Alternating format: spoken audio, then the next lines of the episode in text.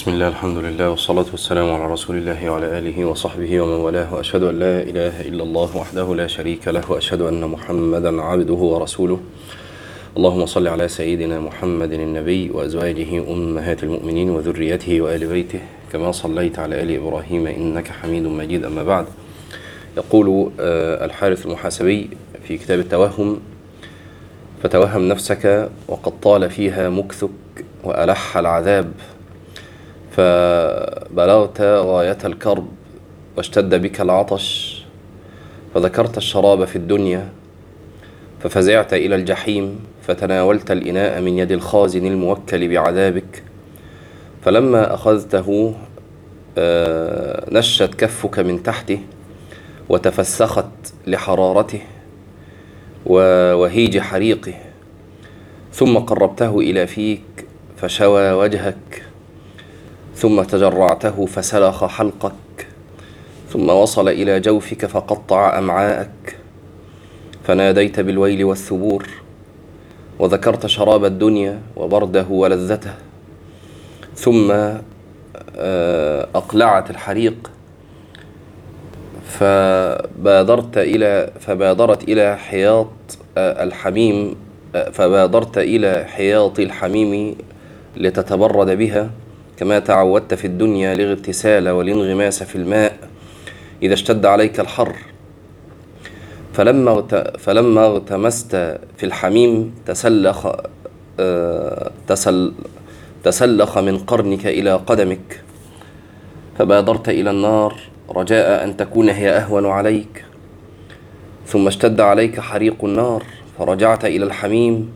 وأنت تطوف بينها وبين حميم آن. طبعا كل هذه المشاهد أتت في كتاب الله عز وجل. وهو الذي قد انتهى حره حميم آن يعني انتهى حره وتطلب الروح فلا روح بين الحميم وبين النار. تطلب الروح فلا روح أبدا. فلما اشتد بك الكرب والعطش وبلغ منك المجهود ذكرت الجنان. فهاجت غصة من فؤادك إلى حلقك أسفا على جوار الله عز وجل وحزنا على نعيم الجنة ثم ذكرت شرابها وبرد مائها وطيب عيشها فتقطع قلبك حسرة لحرمان ذلك.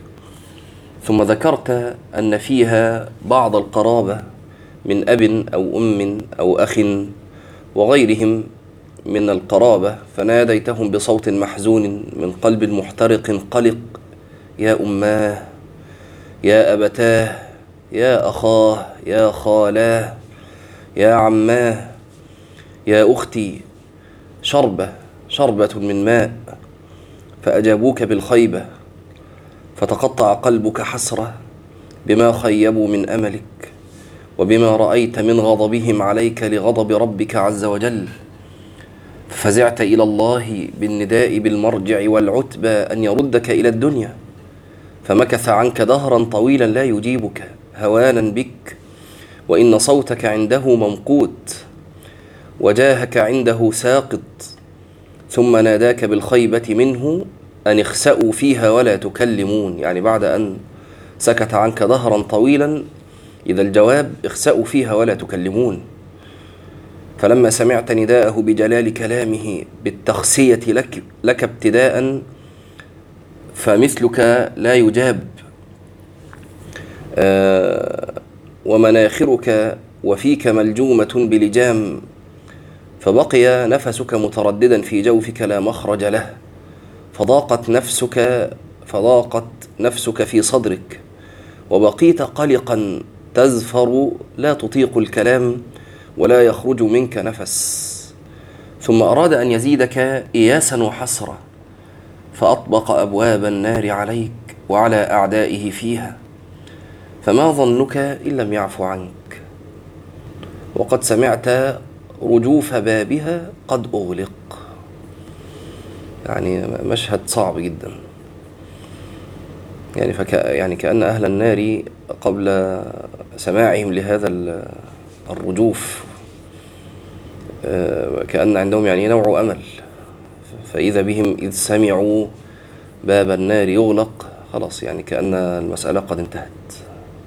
اللهم سلم.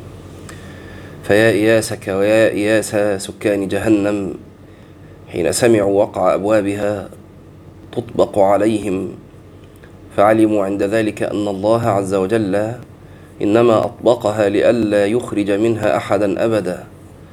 فتقطعت قلوبهم إياسا. وانقطع الرجاء منهم ألا فرج أبدا ولا مخرج منها ولا محيص لهم من عذاب الله عز وجل أبدا. خلود فلا موت وعذاب لا زوال له عن أبدانهم ودوام حرق قلوبهم ومضيدها فلا روح ولا راحة تعلق بهم أبدا. أحزان لا تنقضي وغموم لا تنفد وسقم لا يبرأ وقيود لا تحل وأغلال لا تفك أبدا وعطش لا يرغون بعده أبدا وكرب لا يهدأ أبدا وجوع لا يشبعون بعده أبدا إلا بالزقوم ينشب في حلوقهم فيستغيثون بالشراب ليسوغوا به غصصهم فيقطع أمعاءهم. وحسرة فوت رضوان الله عز وجل في قلوبهم وكمد حرمان جوار الله عز وجل يتردد في صدورهم ولا يرحم بكاؤهم ولا يجاب دعاؤهم ولا يغاثون عند تضرعهم ولا تقبل توبتهم ولا تقال عثرتهم. غضب الله عز وجل عليهم فلا يرضى عنهم أبدا. إذ أبغضهم ومقتهم وسقطوا من عينه وهانوا عليه فأعرض عنهم. فلو رأيتهم وقد عطشوا وجاعوا. فنادوا من أهل الجنة الأقرباء فقالوا جميعا يا أهل الجنة يا معشر الآباء والأمهات والإخوة والأخوات. خرجنا من قبورنا عطاشا وأوقفنا بين يدي الله عز وجل عطاشا وأمر بنا إلى النار عطاشا. افيضوا علينا من الماء أو مما رزقكم الله فأجابوهم بالتخسيه فتراجع في قلوبهم الحسرة والندامة فهم فيها يتقلقون. لا ينفح وجوههم روح أبدا ولا يذوقون منها بردا أبدا ولا يطبقون جفونهم على غمض نوم أبدا. فهم في عذاب دائم وهوان لا ينقطع. فمثل نفسك بهذا الوصف إن لم يعفو عنك. فلو رأيت المعذبين في خلقهم وقد أكلت النار لحومهم ومحت محاسن وجوههم واندرس تخطيطهم فبقيت العظام مواصلة محترقة مسودة. وقد قلقوا واضطربوا في قيودهم وأغلالهم وهم, ينادو وهم ينادون بالويل والثبور ويصرخون بالبكاء والعويل إذا لذاب قلبك فزع فزعا من سوء خلقهم وتضعف وتضعفت من رائحة نتنهم ولما ولما بقي روحك في بدنك من شدة وهج أبدانهم وحرارة أنفاسهم. يعني هذا كله إذا توهمت توهمت غيرك في هذا. فكيف بك؟ إذ نظرت إلى نفسك فيها وأنت أحدهم. وقد زال من قلبك الأمل والرجاء ولزمه القنوط والإياس.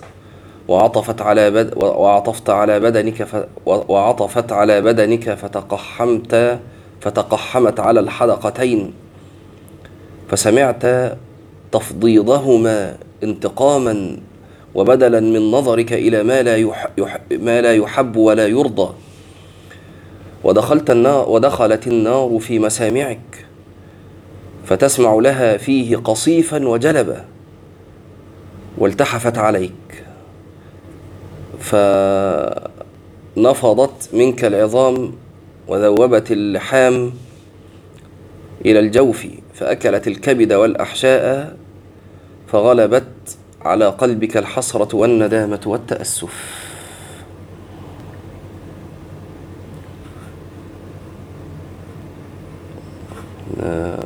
نقف هنا. آه، نبدأ في علو الهمة. آه، يعني نبدأ في هذا الفصل لأن كان اللابتوب فصل المرة اللي فاتت. قال معانقتهم الفقر في سبيل الطلب. يا جماعة إحنا إلى الآن نتكلم عن علو همة السلف في طلب العلم وما يلاقون من أجل الطلب يعني سواء في الرحلة سواء آه، في معانقة الفقر في سبيل الطلب. كل ده كان آه، يعني يندرج تحت آه، علو الهمة في طلب العلم. قال حفلت كتب الأدب والتراجم والتاريخ والأخلاق بأقوال العلماء في فقرهم وغربتهم وصبرهم على شدائدهم الخانقة واستهانتهم بها وعدم وعدم اكتراثهم لها تمسكا منهم بمثوبة الصبر المحتسب فيه الأجر والذي كانوا فيه من الفائزين. ومر معنا قول القائل قلت للفقر أين أنت مقيم؟ قال لي في عمائم الفقهاء إن بيني وبينهم لإخاء وعزيز علي ترك الإخاء.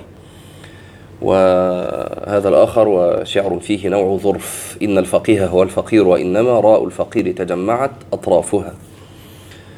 ومر معنا قول الشافعي أظن أحدكم يعني كتب لي البيت أمطري آه، أمطري لؤلؤا سماء سرنديب وأخرجي آبار تكرور تبرا أنا إن عشت لست أعدم قوتا ولئن مت لست أعدم قبرا. همتي همة الملوك الملوك ونفسي نفس حر ترى المذلة كفرا. ومضى معنا ما حدث للبخاري وكيف أنه كان عريانا. يعني وقفنا هنا. نذكر هذا الأثر. قال عمر بن حفص الأشقر قال عمر بن حفص الأشقر إنهم فقدوا البخاري أياما من كتابة الحديث بالبصرة. قال فطلبناه فوجدناه في بيت وهو عريان وقد نفد ما عنده ولم يبق معه شيء. فاجتمعنا وجمعنا له الدراهم حتى اشترينا له ثوبا وكسوناه.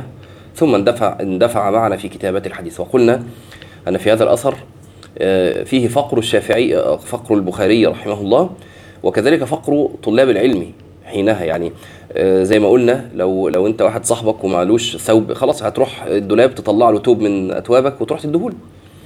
لا هم معهمش. يعني كل واحد كان كل واحد معاه الثوب بتاعه خلاص. أو وكذلك يعني معنى آخر إنه لما حبوا يجيبوا له ثوب جمعوا يعني مش واحد مثلا قال طب خلاص أروح أجيب له ثوب وأرجع أشتري له ثوب لأ ده جمعوا عشان يجيبوا لواحد ثوب. فكأن دي كانت حالة حالتهم كلهم. وقال مالك رحمه الله لا ينال هذا الأمر حتى يذاق فيه طعم الفقر. وقد قال ابن القاسم آه، أفضى بمالك طلب الحديث إلى أن نقض سقف بيته فباع خشبه. شوفوا يا جماعة يعني كأنه إيه انقطع لطلب الحديث فحدث له ما حدث. حتى أنه في الآخر بقى يفك خشب السقف بتاع بيته عشان يبيعه. وهذا يحيى بن معين رحمه الله. خلف له أبوه ألف ألف درهم فأنفقها كلها على تحصيل الحديث حتى لم يبق له نعل يلبسه. مليون درهم.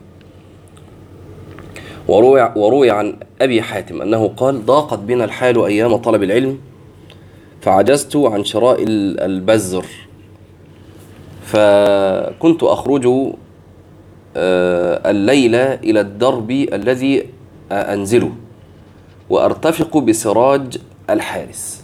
هو عاوز يطلب العلم مش عارف يشتري زي الزيت أو يعني ما يضاء به المصابيح في البيوت. والله أعلم. يعني البذر الحب.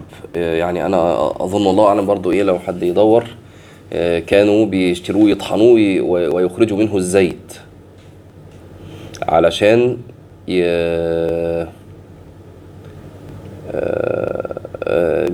يعني يولعوا المصابيح. فيعني ما كانش عنده ما آه، يعني يضيء به مصباح بيته. والله أعلم يعني. قال فكنت أخرج الليل إلى الدرب الذي أنزله آه، الذي أنزله الحتة اللي ساكن فيها وأرتفق بسراج الحارس. يعني كأني كل كان معين حارس لكل إيه زي شارع أو حاجة ومعاه سراج بينور. وكان ربما ينام الحارس فكنت أنوب عنه. فهو طبعا عشان ما يعطلش طلب العلم ده المقصود يا جماعة. بالليل هيولع إزاي عشان يقعد يقرأ؟ فكان يطلع ويقعد جنب الحارس عشان يقرأ على ضوء الحارس. قال معاناتهم الجوع والمرض والشدائد والمخاطرة بالنفس في طلب العلم. قص الإمام أبو حاتم رحمه الله تعالى شيئا مما لقيه أثناء رحلته في طلب العلم فقال لما خرجنا من المدينة من عند داود الجعفري صرنا إلى الجار وركب وركبنا البحر وكنا ثلاثة وكنا ثلاثة أنفس أبو زهير المروزي شيخ وآخر وآخر نيسابوري أو نيسابوري فركبنا البحر وكانت الريح في وجوهنا فبقينا في البحر ثلاثة أشهر وضاقت صدورنا وفني ما كان معنا من الزاد وبقيت وبقيت بقية فخرجنا إلى البر فجعلنا نمشي أياما على البر حتى فني ما كان معنا من الزاد والماء. يعني آه، استشعروا الحالة دي يا جماعة ثلاث شهور. وبعدين خرجوا إلى البر على هذه الحالة التي ذكرها. فمشينا يوما وليلة لم يأكل أحد منا شيئا ولا شربنا. واليوم الثاني كم- كمثل واليوم واليوم الثاني كمثل واليوم الثالث كل يوم نمشي إلى الليل فإذا جاء المساء صلينا وألقينا بأنفسنا حيث كنا. وقد, ضع وقد ضعفت أبداننا من الجوع والعطش والعياء. فلما أصبحنا اليوم الثالث جعلنا نمشي على قدر طاقتنا. فسقط الشيخ مغشيا عليه فجئنا نحركه وهو لا يعقل. فتركناه ومشينا أنا وصاحبي النيسابوري قدر فرسخ أو فرسخين.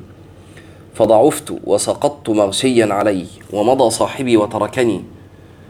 فلم يزل هو يمشي إذ بصر من بعيد قوما قد قربوا سفينتهم من البر ونزلوا على بئر موسى عليه السلام فلما عاينهم لوح بثوبه إليهم فجاءوه معهم الماء في إداوة فسقوه وأخذوا بيده فقال لهم رفيقين لي قد ألقوا بأنفسهم مغشيا عليهم فما شعرت إلا برجل يصب الماء على وجهي ففتحت عيني فقلت اسقني فصب من الماء في ركوة أو مشربة شيئا يسيرا وأخذ بيدي ده طبعا معروف عند العرب.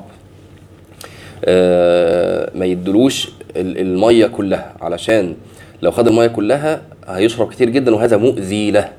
اللي هو بيبقى في الصحراء وبيغمى عليه من شدة العطش يعملوا إيه؟ ما يدلوش قربة المية كلها. يصبوا له شوية صغيرين بعض العرب كمان كان يعمل إيه؟ يحط له في المية رمل. عشان الرمل يمنعه من الشرب كثيرا. آه، وأخذ بيدي. فقلت ورائي شيخ ملقى. قال قد ذهب إلى ذاك جماعة. يعني ناس تانية راحوا له. فأخذ بيدي وأنا أمشي أجر رجلي ويسقيني شيئا بعد شيء حتى إذا بلغت إلى عند سفينتهم إلى عند سفينتهم وأتوا برفيقي الثالث الشيخ وأحسنوا إلينا أهل السفينة فبقينا أياما حتى رجعت إلينا أنفسنا. ثم كتبوا لنا كتابا إلى مدينة يقال لها راية إلى واليهم وزودونا من الكعك والسويق والماء. فلم نزل نمشي حتى نفد ما كان معنا من الماء والسويق والكعك. فجعلنا نمشي جياعا عطاشا على شط البحر حتى وقعنا على سلحفاء قد رمى به البحر مثل الترس. فعمدنا إلى حجر كبير فضربنا على ظهر السلحفاء فانفلق ظهره وإذا فيها مثل صفرة البيض. فأخذنا من بعض الأصداف الملقى على شط البحر فجعلنا نغترف من ذلك الأصفر فنحتسيه أو فنحتساه فنتحساه هكذا. حتى سكن عنا الجوع والعطش. ثم مررنا وتحملنا حتى دخلنا مدينة الراية وأوصلنا الكتاب إلى عاملهم فأنزلنا في داره وأحسن إلينا. وكان يقدم إلينا كل يوم القرع ويقول لخادمه هات لهم باليقطين المبارك. فيقدم إلينا ذاك اليقطين من الخبز أياما. فقال واحد منا بالفارسية لا تدعو باللحم المشؤوم. يعني هو كل يوم يقول له اليقطين المبارك كانهم زهقوا يعني فإيه في يوم قال له بقى طب هات لنا اللحم المشؤوم. وجعل يسمع الرجل صاحب الدار فقال أنا أحسن بالفارسية فإن جدتي كانت هرويه فأتانا بعد ذلك باللحم ثم خرجنا من هناك وزودنا وزودنا إلى أن بلغنا مصر. الشاهد يا جماعة أن كل هذا حصل لهم في رحلتهم في طلب العلم. وقال بكر بن حمدان المرو المروزي آه، سمعت ابن خراش يقول شربت بولي في طلب هذا الشأن. يعني طلب الحديث خمس مرات. يعني ينفد ما معه من زاد وماء في الرحلة فيلجأ إلى شرب البول. وذلك أنه كان يمشي في الفلوات والقفار لتحصيل الحديث وتلقيه عن أهله فيناله العطش الشديد في طريقه. تلوم علي أن رحلت للعلم طالبا وأجمع من علم الرواة فنونه فيا لائمي دعني أغالي بمهجتي فقيمة كل الناس ما يحسنونه. آه، الشاهد يا جماعة ذهب عن هؤلاء جميعا بعد رحلة بعد ما لاقوه. آه، كل هذا النصب والتعب في حياتهم يعني مش هقول حتى بعد موتهم لا ده حتى في حياتهم. آه، ورجعوا إلى بلدانهم وصارت هذه حكايات تروى. وماتوا. خلاص ماتوا عن آخرهم ونحن سيحدث لنا ذلك. سنموت ويفنى هذا الكون من ساكنيه. الآن ما, ما الذي بقي؟ جميل الأحدوثة بعد موت هؤلاء والترضي عنهم والترحم عليهم إلى أن تقوم الساعة لأن كل واحد من هؤلاء صار بتقديمه للعلم و وملاقاته ما لاقى صار جبلا في العلم. نروي عنه حديثا أو نذكر عنه مسألة في الفقه فنترضى عنه ونترحم عليه إلى أن تقوم الساعة. جيل بعد جيل يترحم ويترضى. ثم تكون الساعة ف ويعني يعني يلقى كل منا ما كان يعمله. ف يعني هذا مما يحقر في أعيننا هذه الدنيا. ويجعلنا نصبر على لأوائها وعلى ما ينالنا في هذه الدنيا من مشقة أو تعب. آه، قال الوحشي أو الوخشي مش عارف أبو علي الحسن كنت بعسقلان أسمع من ابن مصحح وغيره فضاقت علي النفقة وبقيت أياما بلا أكل فأخذت لأكتب فعجزت. شوف يا جماعة يعني ما بياكلش لدرجة مش قادر يكتب بقى خلاص. فذهبت إلى دكان خباز وقعدت بقربه لأشم رائحة الخبز وأتقوى بها. يشم الدخان اللي طالع. ثم فتح الله تعالى علي. وهذا ابن الجوزي يقول لقد كنت في حلاوة طلب العلم ألقى من الشدائد ما هو عندي أحلى من العسل لأجل ما أطلب وأرجو. كنت في زمان الصبا آخذ معي أرغفة يابسة فأخرج في طلب الحديث وأقعد على نهر عيسى فلا أقدر على أكلها إلا عند الماء. ليه ما يقدرش يأكل العيش ده اللي عنده؟ فكلما أكلت لقمة شربت عليها. العيش ناشف جدا. اللي هو عنده ده عيش ناشف فما يقدرش ياكله كده غير عند مية.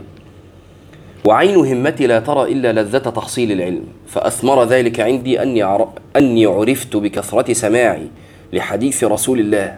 صلى الله عليه وسلم وأحواله وآدابه وأحوال أصحابه وتابعيهم. ومن تكن العلياء همة نفسه فكل الذي يلقاه فيها محبب. معاناتهم السهر في طلب العلم. آه، قيل لبعض السلف بما أدركت العلم قال بالمصباح والجلوس إلى الصباح. وقيل لآخر يعني بما أدركت العلم فقال بالسفر والسهر والبكور في السحر. قال الخطيب البغدادي وأفضل المذاكرة مذاكرة الليل. وكان جماعة من السلف يفعلون ذلك وكان جماعة منهم يبدأون من العشاء فربما لم يقوموا حتى يسمعوا أذان الصبح. وبادر الليل بما تشتهي فإنما الليل نهار الأريب. وكان الشيخ أبو علي يكشف عن ظهره في الليلة الباردة يطرد به النوم يعني في البرد مش يقعدوا يتدفوا وفي الحر يشغلوا تكييف يعكسوا يا جماعة. يعني كان منهم من اللي كان يطلع على سطح بيته في البرد ويقعد تحت السقف في الحر يعكس علشان الحر في في الصيف ما ينيموش والبرد في الشتاء ما ينيموش. آه، وكان محمد بن الحسن الشيباني رحمه الله لا ينام الليل كان لا ينام الليل وكان عنده الماء يزيل به نومه به وكان يقول إن النوم من الحرارة فلا بد من دفعه بالماء البارد. آه ذكر ابن اللباد أن محمد بن عبدوس صلى الصبح بوضوء العتمة ثلاثين سنة. آه خمس عشرة من دراسة آه وخمس عشرة من عبادة. يعني 15 سنة قاعد من العشاء للفجر صاحي عشان بيطلب علم و15 سنة عشان بيعبد ذكر وقراءة وقيام ليل يهوى الدياجي إذا المغرور أغفلها كأن شهب الدياج أعين نجلو. وحكى الربيع عن فاطمة بنت الشافعي قالت عن فاطمة بنت الشافعي قالت أسرجت لأبي في ليلة سبعين مرة. تولع له السراج كل, كل شوية في ليلة واحدة سبعين مرة بنت الإمام الشافعي.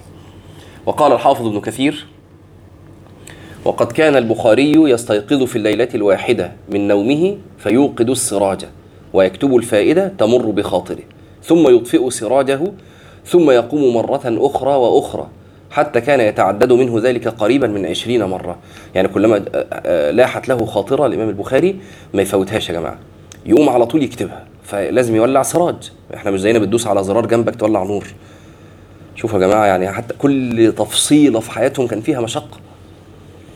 فتلاقيه يولع السراج 20 مرة عشان يكتب 20 فائدة. وابن الجوزي كان برضه له يعني إيه نقل قريب من ذلك.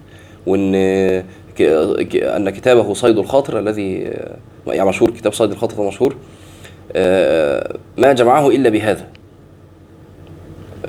وكان أسد بن الفرات قاضي القيروان وتلميذ الإمام مالك ومدون مذهبه وأحد القادات الفاتحين فتح صقلية واستشهد بها سنة 213 شوف كانوا علماء وكانوا مجاهدين كانوا كل حاجة. كان قد خرج من القيروان إلى الشرق سنة 172 فسمع الموطأ على مالك بالمدينة ثم رحل إلى العراق فسمع من أصحاب أبي حنيفة وتفقه عليهم وكان أكثر اختلافه إلى محمد بن الحسن الشيباني يعني بيروح له كتير. ولما حضر عنده قال له إني غريب قليل النفقة والسماع منك نزر يعني قليل ما, ما, ما يعني ما بيجلس للت... للتحديث كتير يعني. والطلبة عندك كثير فما حيلتي أنا راجل غريب معيش فلوس كفاية أعمل إيه وأنت بتحدثنا؟ بالقليل. فقال له محمد بن الحسن اسمع مع العراقيين بالنهار وقد جعلت لك الليل وحدك فتبيت عندي وأسمعك. قال أسد وكنت أبيت عنده وينزل إلي ويجعل بين يدي قدحا فيه الماء ثم يأخذ في القراءة فإذا طال الليل ونعست ملأ يده ونفح وجهي بالماء فانتبه. فكان ذلك دأبه ودأبي. حتى أتيت على ما أريد من السماع عليه. شوفوا يا جماعة الشيخ هو الذي يوقظ الطالب. وكان محمد بن الحسن يتعاهده بالنفقة حين علم أن نفقته نفدت وأعطاه مرة ثمانين دينارا حين رآه يشرب من الماء السبيل. 80 دينار ده رقم كبير جدا. وأمده بالنفقة حين أراد الانصراف من العراق. وقال عبد الرحمن بن قاسم العتقي المصري. أحد أصحاب مالك والليث وغيرهما كنت آتي مالكا غلسا يعني وقت الغلس فأسأله عن مسألتين ثلاثة أربعة وكنت أجد منه في ذلك الوقت انشراح صدر فكنت آتي كل سحر. فتوسدت مرة عتبته عتبت الإمام مالك فغلبتني عيني فنمت وخرج مالك إلى المسجد ولم أشعر به. فرقضتني جارية سوداء له برجلها وقالت لي إن مولاك قد خرج. هي جارية طبعا ده طالب علم. هي جارية فاكراه عبد عنده. كل يوم نايم على الباب. فهي فاكراه هو رخر إيه؟ عبد. فراح ضربة برجل ضربة برجلها. آه الإمام مالك خرج عداه وراح رايح المسجد وسابه نايم. فراح فشوية راحت ضربة برجلها قالت له إن مولاك قد خرج ليس يغفل كما تغفل أنت. اليوم له تسع وأربعون سنة.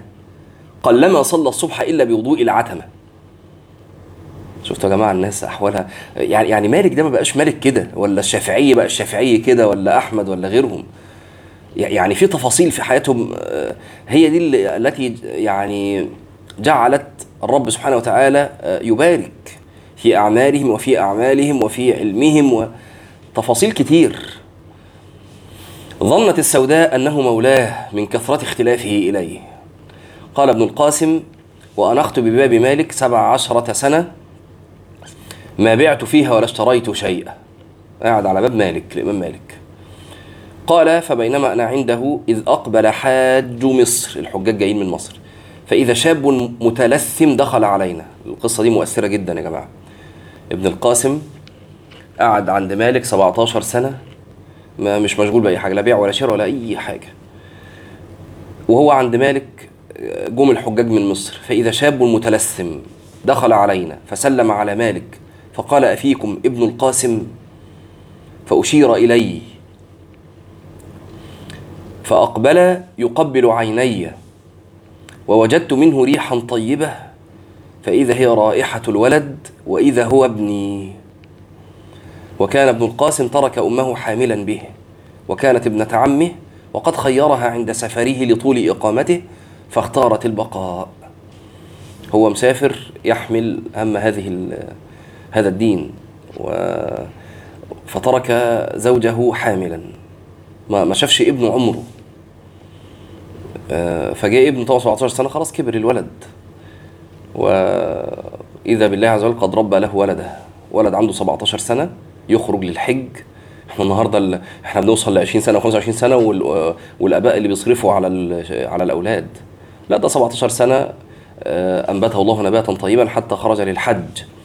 وهو ابن سبعة عشر والحج مش مش حج اليومين دول.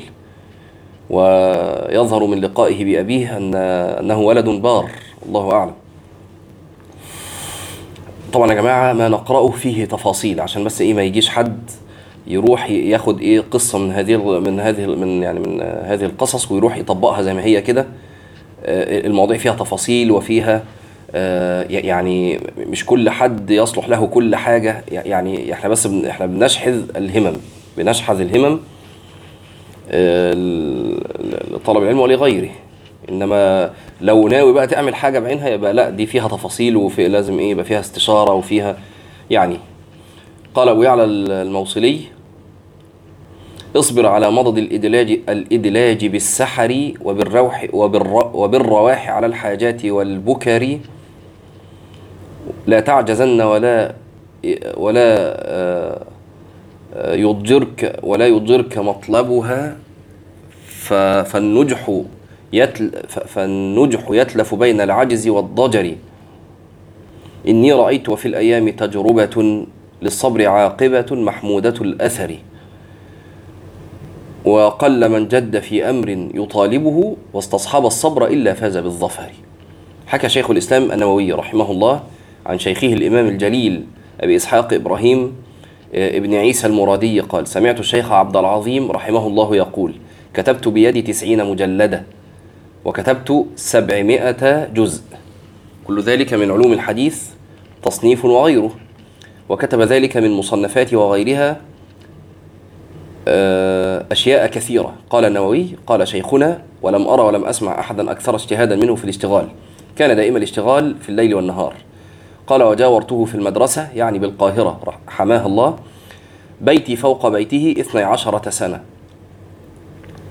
آه، فلم أستيقظ في ليلة من الليالي في ساعة من ساعات الليل إلا وجدت ضوء السراج في بيته. وهو مشتغل بالعلم وحتى كان في حال الأكل والكتاب وال, وال وحتى كان في حال الأكل والكتاب والكتب عنده يشتغل فيها. آه قال فنورهم من جدهم وسهرهم كالحافظ الضياء أبو محمد المقدسي كأن النور يخرج من وجهه ضعف بصره من كثرة الكتابة والبكاء. علم وعبادة علم وخشية. كتابة وبكاء. وقال الزمخشري واصفا تلذذ العلماء بإيقاظ ليلهم وطول سهرهم سهري لتنقيح العلوم ألذ لي من وصل غانية وطيب عناقي. أنا أحفظ هذا الشعر عن الشافعي. فالله أعلم. وهنا ذكر عن الزمخشري. أنا أحفظه عن الشافعي. سهري لتنقيح العلوم ألذ لي من وصل غانية وطيب عناقي وتمايلي طربا لحل عويصة أشهى وأحلى من مدامة ساقي. آه ماشي. أنا أحفظها برضو وتمايلي طربا لحل عويصة في الدرس أحلى من مدامة ساقي. أحفظها هكذا. وصغير أقلامي على أوراقها أحلى من الدكاء والعشاق. الدكاء آلة من أدوات اللهو يعني. وألذ من نقر الفتاة لدفها نقري لألقي الرمل عن أوراقي. أبيت سهران الدجى وتبيته نوما وتبغي بعد ذاك لحاقي. وقال النووي رحمه الله حاكيا عن أوائل طلبه للعلم وبقيت سنتين لم أضع جنبي إلى الأرض. النووي يا جماعة بقى وبرضه إيه النووي معروف يعني. آه، سنتين في أول طلب العلم ما نامش يعني ما نامش زينا كده. لا أمال كان ينام إزاي؟ هيحكي اهو حكى البدر بن جماعة أنه سأله رحمه الله عن نومه. طب بتنام إزاي؟ يعني سنتين ما, حطيتش جنبك على الأرض. فقال إذا غلبني النوم استندت إلى الكتب لحظة وأنتبه. وقال البدر وكنت إذا أتيته أزوره يضع بعض الكتب على بعض لي- ليوسع لي مكانا أجلس فيه. يعني هو هو قاعد والكتب حواليه من كل حتة. مفيش مكان حد يقعد إلا لو وسع له. بصوا يا جماعة برضو يعني عشان ده هذا قد يحدث بعض إشكال إن لما تسمع كلام تقول ده, ده ليس في مقدور البشر وأنا أوافقك هذا ليس في مقدور البشر. إذا آه، لم يكتنفوه الرب عز وجل بنوع توفيق صح كلامك صح يعني بعض هذه الروايات والحكايات تقول لا ده ما ينفعش بني آدم يعمله وده حقيقي هو ما ينفعش بني آدم يعمله لكن هم مش بني آدمين عاديين هم بني آدمين موفقين بني آدمين آه، قد أمدهم الله عز وجل بمدده. فإحنا بنتكلم في حتة تانية خالص دلوقتي. بنتكلم في بركة بنتكلم في توفيق بنتكلم آه، في مدد من الله عز وجل. فإحنا بنتكلم في حتة تانية لها قوانين تانية ولها مسائل تا يعني دي قوانين غير القوانين اللي ماشي عليها الدنيا الآن. خلاص؟ وهذا الإمام الشيخ مؤرخ الإسلام وحافظ الشام عماد الدين أبو الفداء إسماعيل بن عمر ابن آه، ابن كثير. ابن كثير رحمه الله تعالى. أخذ كتاب الإمام أحمد مرتبا من المحب الصامت وأضاف إليه أحاديث الكتب الستة ومعجم الطبراني الكبير ومسند البزار ومسند أبي يعلى الموصلي وأجهد نفسه كثيرا وتعب فيه تعبا عظيما فجاء لا نظير له في العالم وأكمله إلا من بعض مسند أبي هريرة فإنه مات قبل أن يكمله فإنه عوجل بكف بصره. عميا. يقول يقول للذهبي لا زلت أكتب فيه في الليل والسراج ينونص. عمال إيه الضوء يخفت و حتى ذهب بصري معه. ولعل الله يقيد من يكمله. آه طيب نقف هنا. آه على قوله وهك طرفا من سيرة الإمام الجليل دقيق العيد. آه قولي هذا وأستغفر الله العظيم لي ولكم. سبحانك اللهم وبحمدك. أشهد أن لا إله إلا أنت نستغفرك